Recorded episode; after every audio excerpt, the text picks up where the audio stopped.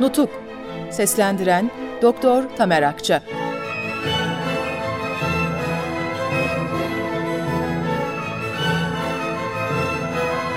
Dördüncü Bölüm Ordumuzun durumu Genel durumu ortaya koyabilmek için ordu birliklerinin nerelerde ve ne durumda olduklarını da açıklamak isterim.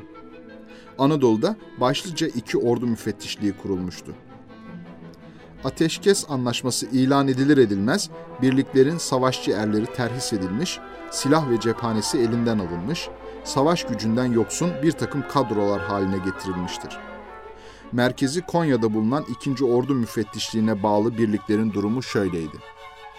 Bir tümeni Konya'da, bir tümeni de Afyonkarahisar'ında bulunan 12. Kolordu, karargahıyla Konya'da bulunuyordu. İzmir'de esir olan 17. kolordunun Denizli'de bulunan 57. tümeni de bu kolorduya bağlanmıştı. Bir tümeni Ankara'da, bir tümeni de Niğde'de bulunan 20. kolordu karargahıyla Ankara'daydı. İzmit'te bulunan 1. tümen İstanbul'daki 25. kolorduya bağlanmıştı. İstanbul'da da 10. Kafkas tümeni vardı. Balıkesir ve Bursa bölgesinde bulunan 61. ve 56. tümenler karargahı Bandırma'da bulunan İstanbul'a bağlı 14. kolorduyu oluşturuyordu. Bu kolordunun komutanı meclisin açılışına kadar merhum Yusuf İzzet Paşa'ydı. 3. Ordu Müfettişliği ki müfettişi bendim, karargahımla Samsun'a çıkmış bulunuyordum. Doğrudan doğruya emrim altında olmak üzere iki kolordu vardı. Bunlardan biri merkezi Sivas'ta bulunan 3. kolordudur. Komutanı yanımda getirdiğim Albay Refet Bey'dir. Bu kolorduya bağlı bir tümenin merkezi Amasya'da, ötekinin merkezi Samsun'daydı. Diğeri merkezi Erzurum'da bulunan 15. kolorduydu. Komutanı Kazım Karabekir Paşa'ydı. Bu kolordunun tümenlerinden birinin merkezi Erzurum'da, komutanı Rüştü Bey, ötekinin merkezi Trabzon'daydı. Komutanı Yarbay Halit Bey'di. Halit Bey İstanbul'a çağrılmış olduğundan komutadan çekilerek Bayburt'a gizlenmiş, tümen vekaletle idare ediliyor.'' Kolordu'nun öteki iki tümeninden 12. tümen Hasankale'nin doğu sınırında 11. tümen Beyazıt'ta bulunuyordu. Diyarbakır bölgesinde bulunan iki tümenli 13. kolordu bağımsızdı. İstanbul'a bağlı bulunuyordu. Bir tümeni Siirt'te, öteki tümeni Mardin'deydi. Benim bu iki kolorduya doğrudan doğruya emir ve komuta vermekten daha ileri bir yetkim vardı ki müfettişlik bölgesine yakın olan askeri birliklere de ilan yapabilecektim. Aynı şekilde bölgemde bulunan ve bölgeme komşu olan illere de ilanda bulunabilecektim. Bu yetkiye göre Ankara'da bulunan 20. Kolordu ve bunun bağlı bulunduğu müfettişlikle Diyarbakır'daki kolorduyla ve hemen hemen Anadolu'nun bütün sivil yönetim amirleriyle ilişkiler kurabilecek ve yazışmalar yapabilecektim. Bu geniş yetkinin beni İstanbul'dan sürmek ve uzaklaştırmak maksadıyla Anadolu'ya gönderenler tarafından bana nasıl verilmiş olduğu garibinize gidebilir. Hemen ifade etmeliyim ki onlar bu yetkiyi bana bilerek ve anlayarak vermediler. Ne pahasına olursa olsun benim İstanbul'dan uzaklaşmamı isteyenlerin buldukları gerekçe Samsun ve dolaylarındaki olayları yerinde görüp tedbir almak üzere Samsun'a kadar gitmekti.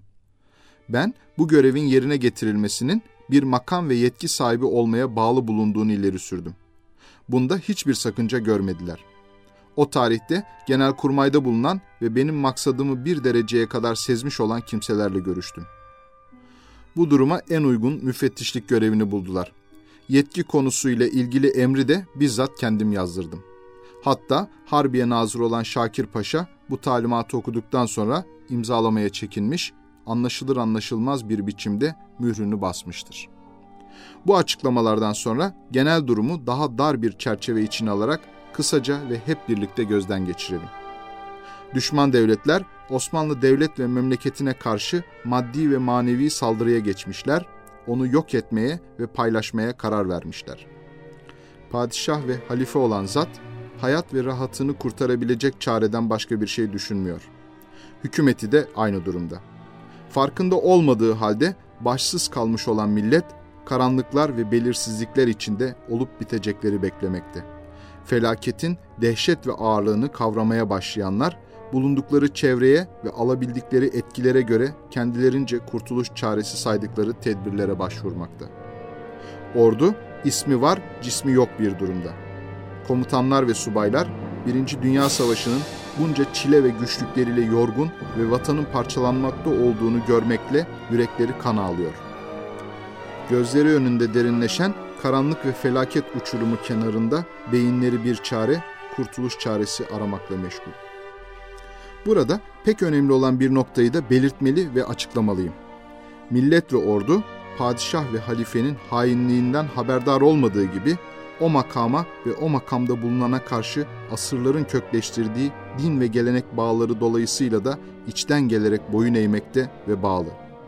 Millet ve ordu bir yandan kurtuluş çaresi düşünürken bir yandan da yüzyıllardır süre gelen bu alışkanlık dolayısıyla kendinden önce yüce hilafet ve saltanat makamının kurtarılmasını ve dokunulmazlığını düşünüyor.